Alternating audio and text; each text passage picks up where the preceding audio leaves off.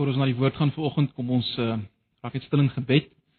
Ek wil tog maar ook net vra daar te gebedsversoek gekom van hom Eddie Jonker se kant af. Hy moet ingaan vir 'n baie ernstige heupoperasie.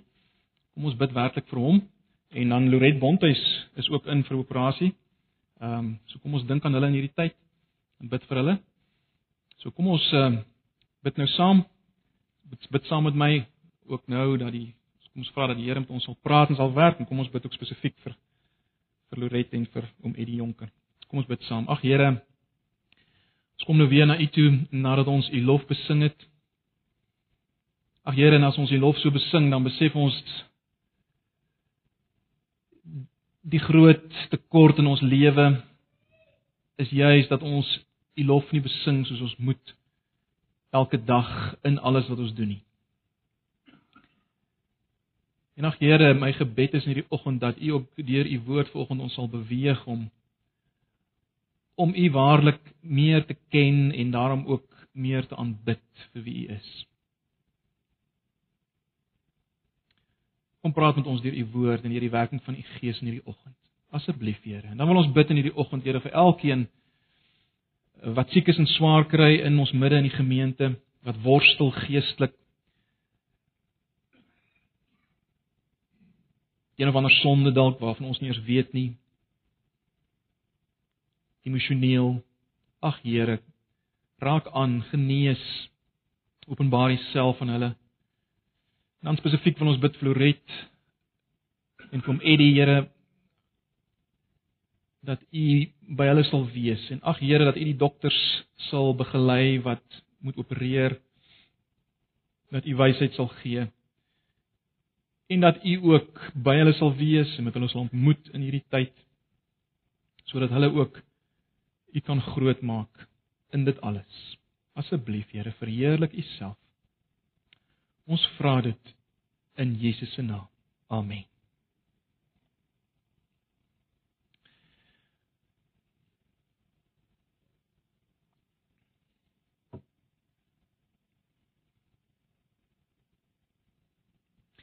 Broers en susters, kom ons blaai na 2 Petrus hoofstuk 3 toe. Uh, ons gaan van volgende week af uh, wegspring met Exodus. Uh, soos John reeds gesê het, dan gaan ons begin om net 'n uh, bietjie van 'n oorsig te doen oor oor Exodus en dan gaan ons van die Sondag daarna begin met Exodus 1 en 2 en so voort. Uh, maar vir oggend uh waar dit nou die eerste Sondag is waar ek terug is, wil ek graag hê ons moet net bietjie nadink oor 'n baie belangrike onderwerp. Die hele onderwerp van groei, geestelike groei, geestelike toename in 2014. So dis waaroor dit gaan nou eh, terwyl van tyd, dit sal en goed gewees het as ons die hele 2 Petrus 3 kon lees. Ehm uh, maar julle moet maar weer rustig by die huis gaan lees. Dit gaan oor die oor die grootliks oor die wederkoms van die Here, maar dan maak Petrus 'n opmerking in vers 18. En ek gaan vers 18 lees, maar ek wil graag julle julle nie julle Bybel sal toemaak nie, want ons gaan 'n uh, bietjie sy hele argument volg. Uh, so ons gaan kyk na die res van 2 Petrus 3 en ons gaan ook uh na 2 Petrus uh hoofstuk 1 verwys. So asseblief uh moenie die Bybel toemaak nie. Volg uh ons gaan uh wel werk met die teks. Al lees ons nie nou alles nie.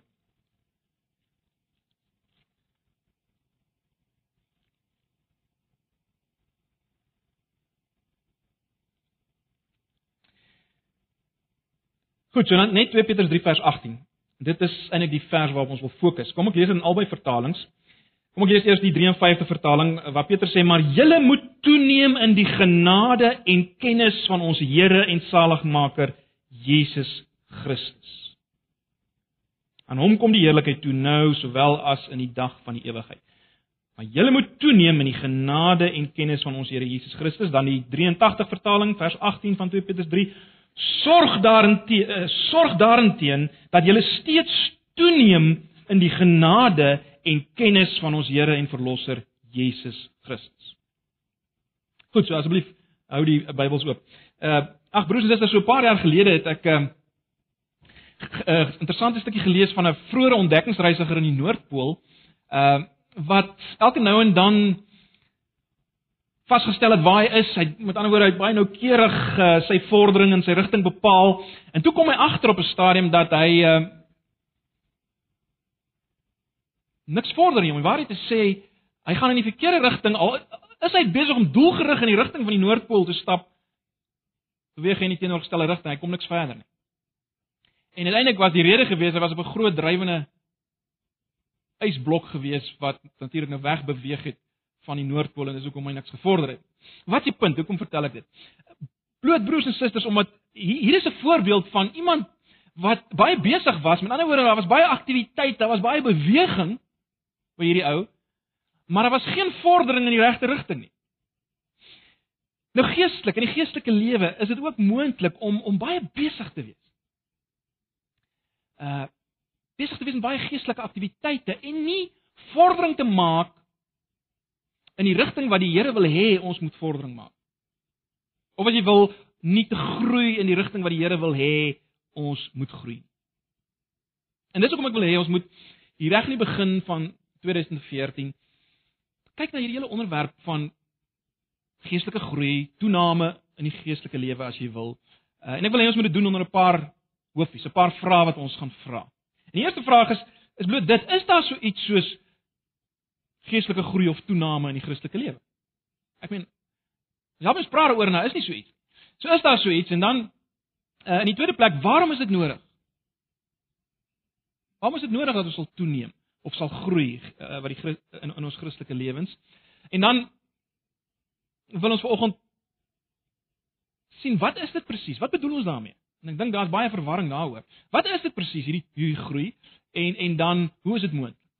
Hoe vind dit plaas? Hoe kan dit plaasvind? So dis die vier vrae uh waarna ek wil hê ons moet net vanaand kyk vanoggend. So in die eerste plek, is daar so iets soos geestelike groei? Wel ek dink bloot die feit dat uh wat dat ons praat van die Christelike lewe as 'n nuwe geboorte wat ons ontvang impliseer dat daar moet groei wees, né? Nee. Dis 'n lewend, dis iets lewens, dis iets meganies nie. Maar boonbehalwe dit, kry ons hier in ons teksvers in vers 18 'n baie duidelike opdrag, né? Nee. Julle moet of sorg dat julle toeneem. Julle moet toeneem, sorg dat julle toeneem. So, dis nie net alleen moontlik nie, broers en susters, hier's 'n opdrag daartoe dat ons moet toeneem, dat ons moet groei as jy wil. En in die lig daarvan moet ons vanoggend mekaar sê wel, in 2014 wil die Here hê ons moet toeneem. Ons moet groei. So dis ons eerste vraag, is daar iets soos geestelike groei? Die antwoord baie duidelik ja. Daar is so iets en dis nie 'n uh, 'n opsionele nie. Dis opdrag. Maar nou die tweede vraag, waarom is dit nodig om toe te neem of te groei in die geestelike lewe? Is Petrus nie maar net besig om sy brief hier af te sluit nie? Is dit nie maar net 'n mooi afsluiting nie? Is dit regtig Is dit regtig nodig? Is dit belangrik? Wel as ons kyk na hierdie vers of na hierdie gedeelte dan dan kry ons die antwoord net in die vorige vers of vorige verse. Kry ons die rede waarom dit so belangrik is, né? Nee. Kyk 'n bietjie na vers 17. Geliefdes, julle weet dit nou, vooruit wees dus op julle hoede dat julle nie meegesleep word deur die dwaaling van beginsellose mense en so van julle eie standvastigheid beroof word nie. Die 53 vertaling praat van sodat julle nie uit julle eie vastigheid val nie of wegval uit julle eie vastigheid. So daar's 'n moontlikheid sê Petrus, daar's 'n moontlikheid dat julle kan wegval uit julle eie vastigheid, dat julle meegesleep kan word. En die enigste manier om dit te keer is om te groei of toe te neem. Ek ek dink die gedagte hier agter is amper die van 'n klein boontjie, né? 'n Klein boontjie word maklik meegesleer as daar byvoorbeeld 'n oorstroming kom uh, deur water of selfs deur wind. Maar as hierdie boontjie stewig begin groei en word sterk, dan is dit natuurlik baie moeiliker vir hierdie boontjie om meegesleer te word. En ek dink dis die gedagte agter wat Petrus hier sê. Sorg dat jy nie meegesleer word nie. Hoe kan jy sorg dat jy nie meegesleer word nie, wel groei, soos 'n boontjie wat sterker word. Maar waardeur kan die Christene meegesleep word? En is dit nog relevant vir ons? Wel, As ons kyk na vers 16 en 17, so ons beweeg nou so half op van vers 18, né? Nee. As ons kyk na vers 16 en 17 dan dan sien ons uh die gevaar. Ag, ek wil nie alles lees nie, ehm uh,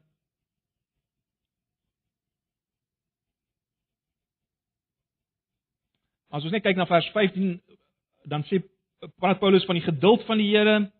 Ehm uh, hy hy sê die Here het geduld met ons sodat ons gered word. En dan praat hy van Paulus. Hy sê so het ons geliefde broer Paulus immers ook met die wysheid wat aan hom gegee is aan, aan julle geskryf en dan vers 16. Hy skryf dit ook in al sy briewe waarin hy oor hierdie saak handel. Daar is dinge in sy briewe wat moeilik is om te verstaan. Oningeligte en onstandvaste mense gee daaraan 'n verkeerde uitleg, soos hulle trouens ook doen met die res van die skrif en dit tot hulle eie ondergang. En dan kom vers 17 wat ons nou net gelees het waar hy sê pas op dan dat julle nie deur deur hierdie ouens meegesleep word. En as ons nou as jy nou opgaan uh in die res van hierdie hoofstuk dan dan praat hy ook weer van hierdie sedelose mense wat sê ag nee wat daar is nie daar's nie 'n wederkoms nie alles gaan maar net aan soos dit aangaan. So wat is die punt? Wat is die gevaar? Waartoe kan ons meegesleep word? Waartoe kon hierdie ouens meegesleep word? Wel deur ouens wat die skrif verdraai. Wat Paulus hy verwys spesifiek na Paulus, Paulus se geskrifte verdraai en en die res van die skrif sê, verdraai hulle. Maar interessant, hy noem hulle sedelose mense. En in die res van die hoofstuk praat hy ook van hierdie ouens as as sedelose mense. En dit is baie belangrik. In ander woorde, dis mense wat nie so seer intellektuele probleme het met die skrif nie, maar het 'n morele probleem. Hulle wil nie hê hulle lewens moet aangespreek word. Hulle wil nie verander nie en daarom lig hulle al hulle probleme uit met die skrif en verdraai dit. Uh en, en en die punt van Petrus is dis die gevaar. Dis wat jy kan wegruk uit jou vastigheid. Pas op hiervoor, né? Nee, pas op hiervoor. En broers en susters, dis steeds relevant vir ons. In 2014 wil ek vir julle sê gaan allerlei verdraaiing en twyfel op ons afspring via die televisie en die internet en Facebook en noem maar op. En agter dit sit ouens wat nie so seer intellektuele probleme het nie, maar morele probleme het met die Christelike geloof. Baie belangrik. Uh wat op ons gaan afstroom in hierdie nuwe jaar is lewe vir die hier en nou. Kry soveel as jy kan uit hierdie lewe uit. Geniet dit. Dis al wat daar is. En baie van die goed gaan baie oortuigend wees. Uh anders sou dit nie gevaar wees dat ons meegesleep word. En sou dit ook nie vir hierdie ouens 'n gevaar gewees het.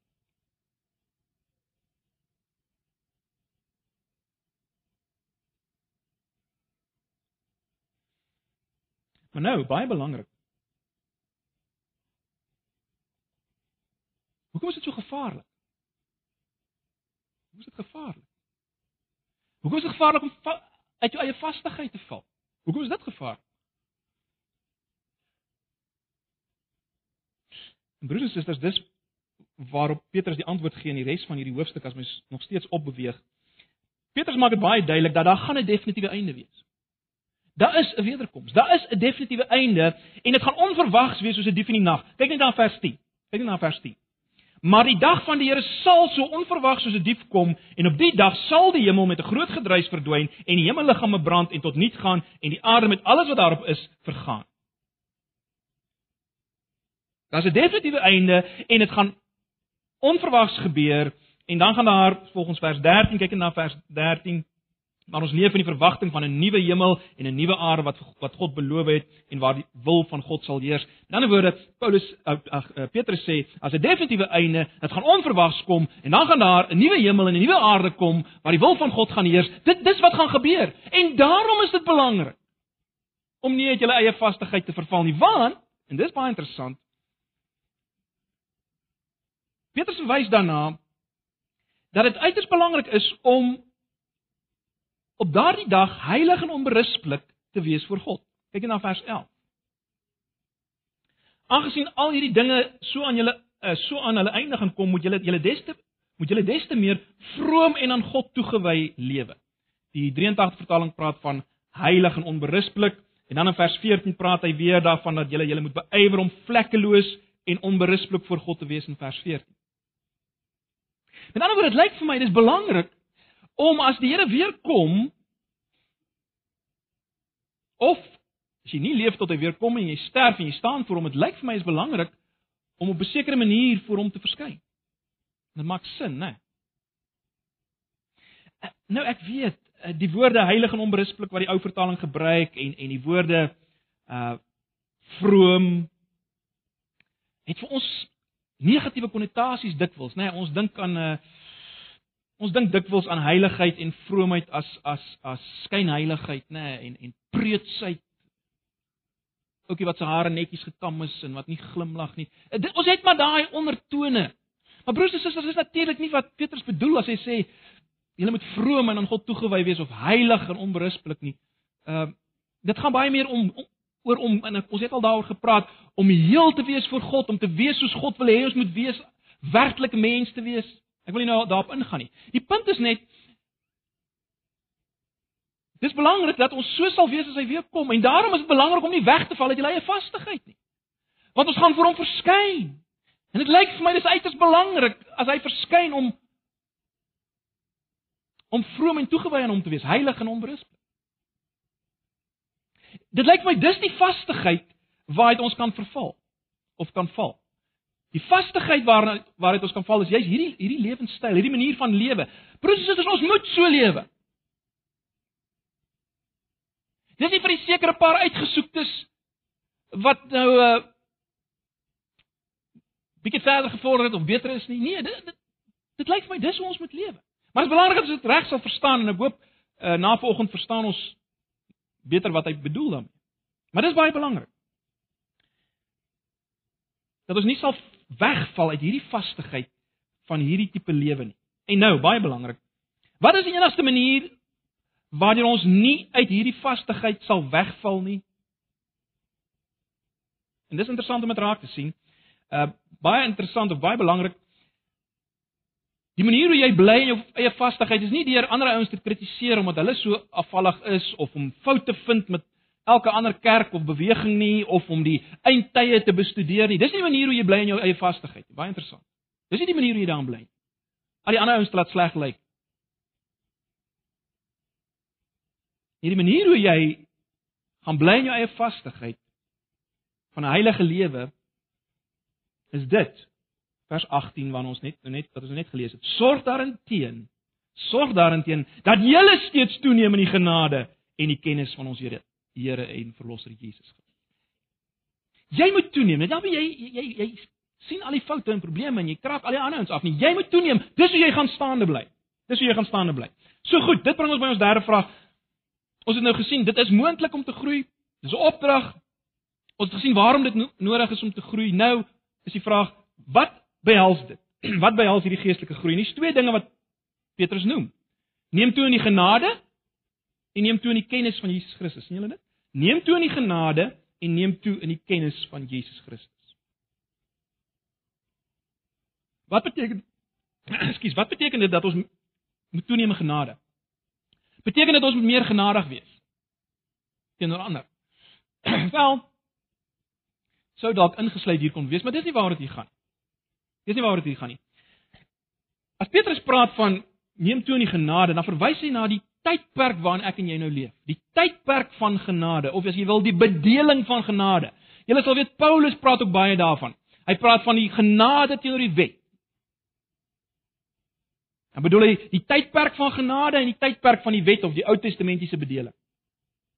En die tydperk van genade is die tydperk wat aangebreek het met die koms van Jesus. Uh julle ken Johannes 1 vers 17 waar waar ons lees die wette deur Moses gekom, die genade en die waarheid het deur Jesus Christus gekom. Hy het hierdie nuwe bedeling laat aanbreek. Die bedeling van kom ons noem dit genade. Deur sy verlossingswerk het hy ons oorgebring na hierdie bedeling toe. Bedeling van genade. Dis waarvan hy hier praat. Eh, om dit so te verduidelik, is amper soos 'n plant, nê, nee, wat jy van buite af oorbring en jy plant hom nou binne in die huis. En dis waar hy nou moet groei. So waar ek en jy moet groei is in hierdie bedeling, in hierdie nuwe huis. Die tydperk van genade en dit verskil van die ou bedeling, die wetsbedeling. Nou ek wil nie te veel hierop uitbrei nie, ons het nie tyd vir oggend nie. Maar broers en susters, dit sê vir ons dat per definisie As groei hier moet plaasvind, as groei moet plaasvind in hierdie bedeling van genade, in hierdie huis van genade, dan beteken dit per definisie dat groei nie te maak het met die doen van sekere dinge waarvoor jy beloon word. En as jy beloon word, dan kan jy sê, "Sjoe, ek het gegroei." Want kyk, ek het dit gedoen en nou nou is ek beloon. So ek ek het gegroei. Ek kan sien ek het gegroei. Dit kan nie daarmee te maak hê. As ons moet toeneem in genade in hierdie ruimte of tydperk bedeling van genade nie. Met ander woorde, om 'n voorbeeld te noem, uh ek doen nou 5 ure stilte tyd op 'n dag. En sjoe, nou gaan dit baie beter met my besigheid. sien ek het gegroei. Nee, dis nie waaroor dit gaan nie. So dis belangrik. Meer nog, broers en susters, groei of toename in die Christelike lewe kan nooit bloot beteken en ek lê klem op die bloot, kan nooit bloot beteken die toename in aktiwiteite, geestelike aktiwiteite. Die doen van meer en meer dinge. Geestelike groei is nie dit nie. Is nie daai dinge in sigself wat ek doen nie. Dit dit dit dis nie geestelike groei nie. Dit lyk vir my daar moet 'n toename wees in my belewing dat ek in hierdie bedeling van genade is aan die een kant en dan moet 'n toename wees in die ken van Jesus Christus, die een wat natuurlik hierdie bedelinge werklikheid gemaak het.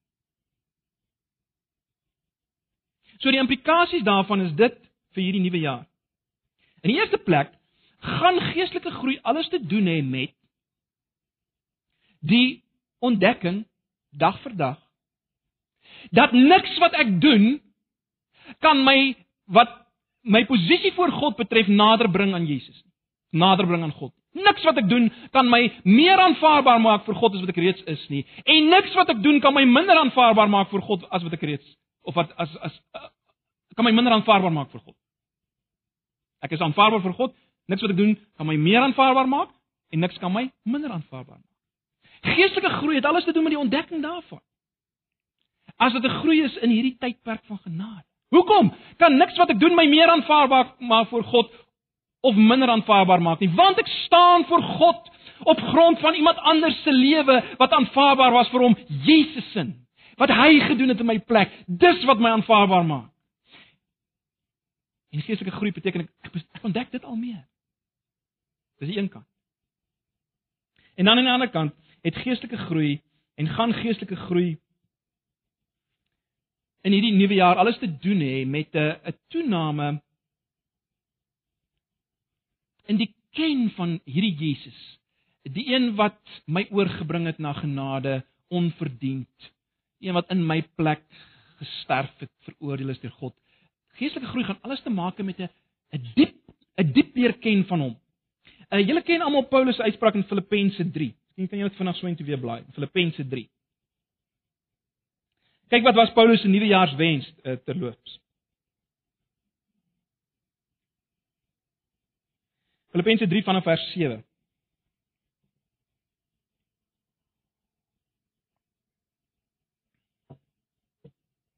Paulus sê in vers 7 van Filippense 3: "Maar wat eers vir my 'n bate was, beskou ek nou as waardeloos ter wille van Christus. Ja, nog meer, ek beskou alles as waardeloos, want om Christus Jesus my Here te ken,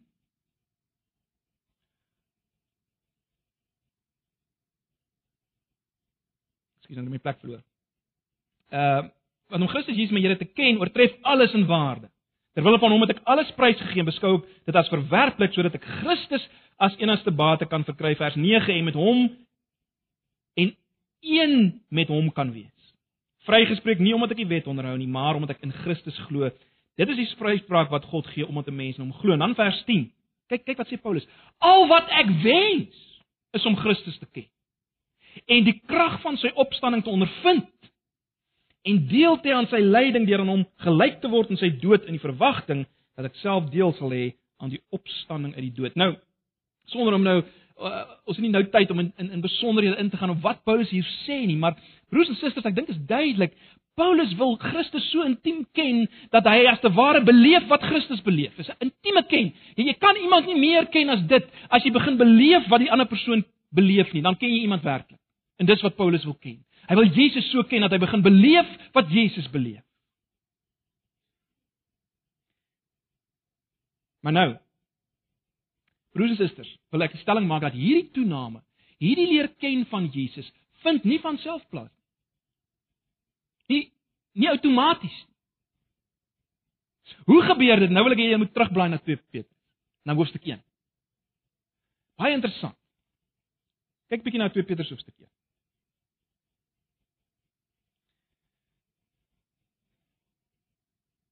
hoofstuk 1.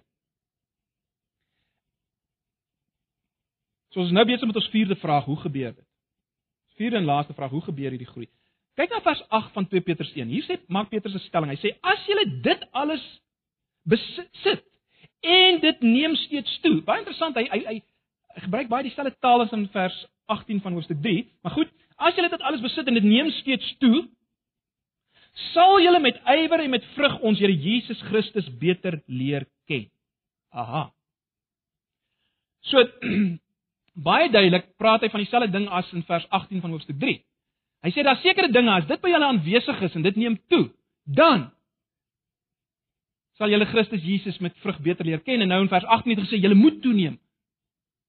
So nou moet ons vra wat is dit? Waar wat wat se dinge moet by ons aanwesig wees en toeneem? En dis natuurlik wat Petrus beskryf vanaf vers 5. Kyk net na vers 5 van hoofstuk 1. As hy sê en juis om hierdie rede moet julle alles in julle stryd werf om julle geloof te verryk met deugsaamheid, die deugsaamheid met kennis, die kennis met selfbeheersing, die selfbeheersing met volharding, die volharding met godsvrug, die godsvrug met liefde onder mekaar en die liefde onder mekaar met liefde vir alle mense. Die 53 vertaling sê vers 5 en jy's daarom ook met julle met die aanwending van alle ywer by julle geloof voeg die deug en by die deug die kennis en dan gaan hy so aan. En hy gebruik dan net die terme broederliefde en die naaste liefde, né? Nee. So dit lyk vir my wat Petrus sê as hierdie dinge aanwesig is by julle en julle voeg dit by by julle geloof, met ander woorde julle absolute vertroue in Jesus alleen as verlosser, as julle hierdie dinge as te ware byvoeg doelbewus, dit lyk my dis iets doelbewus wat jy moet byvoeg, dan let wel gaan jy Jesus werklik leer ken. So dit gaan nie oor hierdie dinge in sigself nie. Hierdie dinge lei tot die ken van Jesus, dis baie belangrik. Dis hoe ek toeneem in die kennis van Jesus Christus. As ek hierdie dinge doen. Met ander woorde, die ken van Jesus gebeur nie maar net as ek op my bed lê en ek kry 'n mistiese gevoel dat ek hom ken nie. Dis as hierdie dinge aanwesig is en dit neem toe in my lewe. Dis dan wanneer ek die krag van sy opstanding gaan beleef. Dis dan wanneer ek gaan deel hê aan sy lyding. Dis dan wanneer ek hom werklik gaan leer ken. As te ware in hom gaan inbeweeg, lyk dit vir my. As te ware gaan hom in in hom in gaan beweeg. As jy dit doen, bekleë jy jou in 'n sekere sin met Jesus, want dit is interessant as mens na hierdie dinge kyk. Dis dis wat Jesus gedoen het. Dis hoe hy gelyk het. So as jy hierdie dinge byvoeg, dan bekleë jy jou met Jesus. So baie vinnig, broers en susters, wat, wat is die dinge wat Petrus noem? In die eerste plek, voeg by deug of deugsaamheid. Wat bedoel hy daarmee? Al wat hy bedoel is dit. Sorg dat jou geloof 'n aktiewe geloof is. Moenie net langs die swembad lê en luister na gospelmusiek Begin iets doen. Soos Jesus. Jesus het rond beweeg en goed gedoen aan mense. Mense genees, mense aangeraak. Dis die punt. Doen iets. Uh ek dink John hulle het uh, dink hulle het hom nog op die boekrak 'n boekie met die met die titel Do Hard Things. Dis eintlik vir vir vir vir vir jong mense. Geskryf ook deur twee jong ouens van 14 jaar dink ek. En en die punt is maar net begin moeilike dinge doen vir die Here. Let wel, nie omdat daar meriete is in die doen alleen nie. Nie omdat dit op sigself groei is nie, maar as jy begin dinge doen. Wat gebeur? Dan besef jy jy kan dit nie doen. Dan begin jy besef hoe swak jy is. Dan begin jy besef jy het Jesus nodig. Dan begin jy beleef iets van sy lyding as jy teenkanting kry daarin. En dan begin jy iets beleef van sy krag wat hy gee as jy swak is. Verstaan julle wat ek bedoel? En jy sien, Dit gaan nie van self gebeur as jy op jou bed lê dat jy die dinge beleef van Jesus nie. Voeg by die deug, deugsaamheid. Begin doen. Gaan praat met iemand.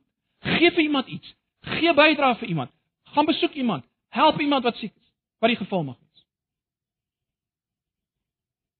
En dan die volgende ding. Voeg by die kennis. Voeg by die kennis. Dit beteken 'n verstaan, insig, In 'n woorde bestudeer die woord. Lees goeie boeke. Ons het 'n goeie boekwinkel. Kry vir jou boek en lees. Hoekom? Sodat jy al meer kan weet wat is vir Jesus belangrik en wie is hy? En hoe voel hy oor dinge? Jy kan iemand nie ken as jy nie weet wat is vir hom belangrik en hoe voel hy en hoe dink hy oor dinge en wat is vir hom belangrik nie. So jy moet lees. Die Bybel. Maar as wat boeke wat ons daarin help. Ons het 'n boekwinkel. Hierdie jaar gebruik dit. Voeg by die kennis.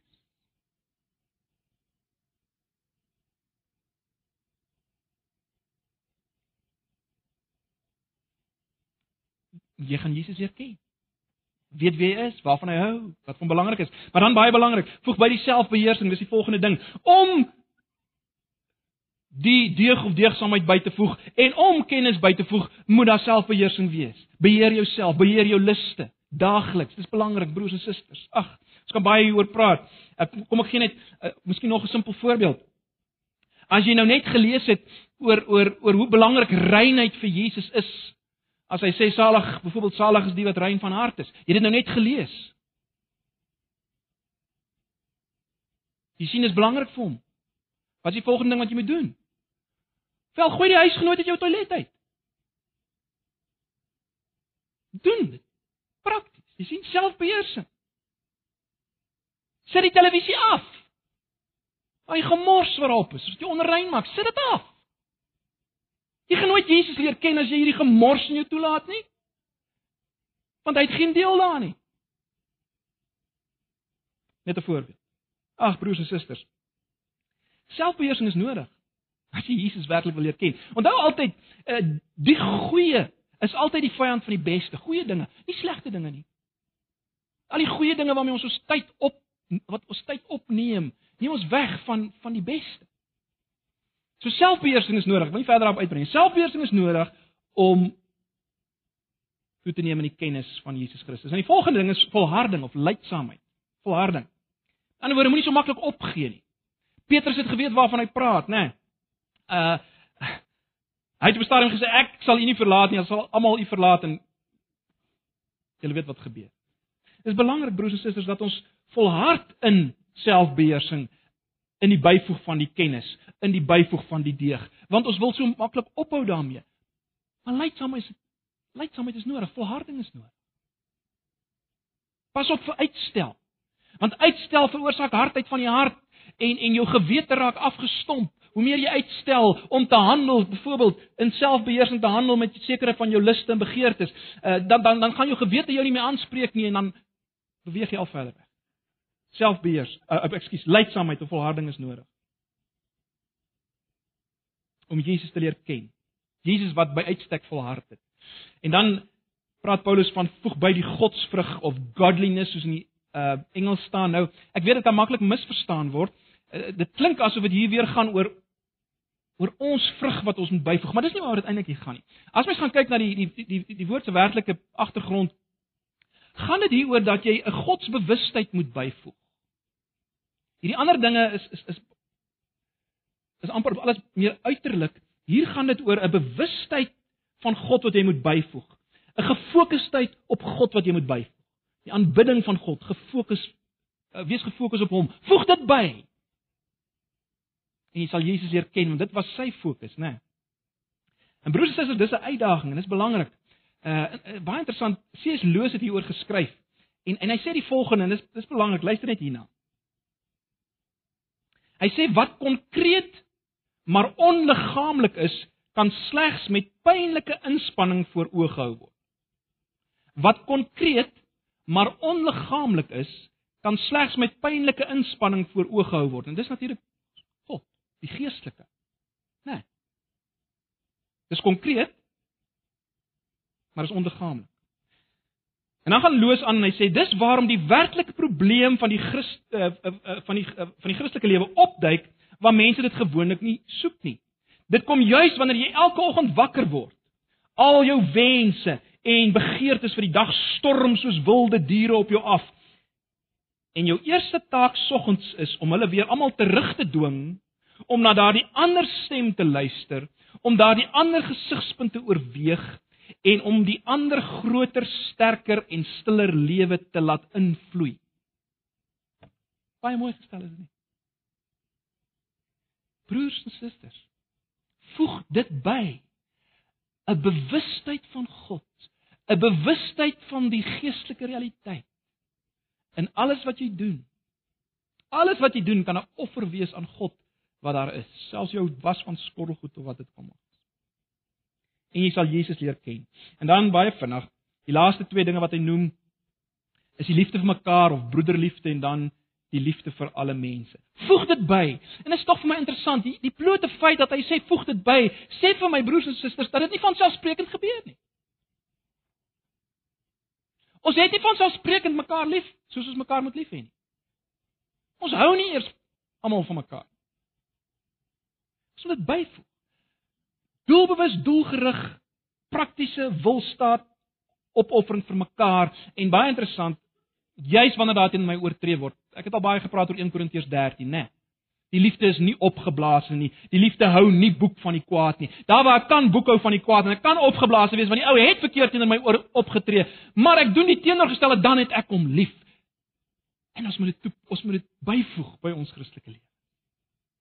En dan leer ons Jesus ken, want dis hoe hy was.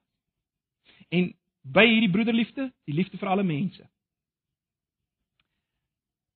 Ja, die persoon by die petrolpomp en die persoon agter die til en die ou in die ry voor jou by die bank en die arme man wat voor die winkel sit en motors oppas. Voeg liefde vir hulle by. Jou bure, ek is so aangespreek hierdie week deur die hele kwessie van mense bure.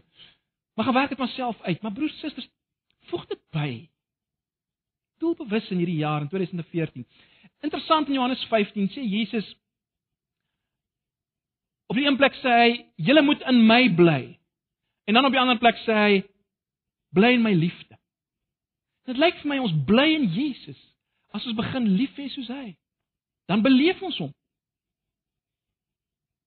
Ons beleef ons leer hom ken op 'n dieper vlak. Maar goed. Dis hoe ons Jesus leer ken. En dit is die heiligheid. Dis die vroomheid waarvan 2 Petrus 3 praat.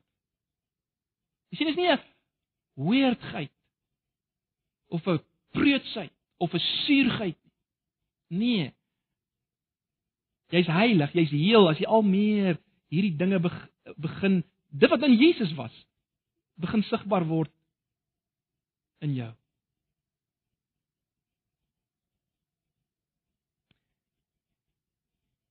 Kyk net na vers 9 van 2 Petrus 1. Wat Petrus sê, iemand wat hierdie dinge nie sy eie gemaak het nie, is kortsigtig, nog erger, hy's blind en het vergeet dat hy van sy vorige sondes gereinig is. Sonder om daarop in te gaan, lyk vir my as ons as ons nie toeneem in hierdie dinge nie, dan vergeet ons van die genade wat ons ontvang het. Jy sien, dan groei ons ook nie in die genade en daai bewustheid van ek is aanvaarbaar op grond van wat hy gedoen het. Lyk my as as hierdie dinge nie aanwesig is nie dan vergeet ons dit. Heel laastens en ek sluit daarmee af. Daar's 'n bonus by dit alles. Kyk net na vers 10 van 2 Petrus 1.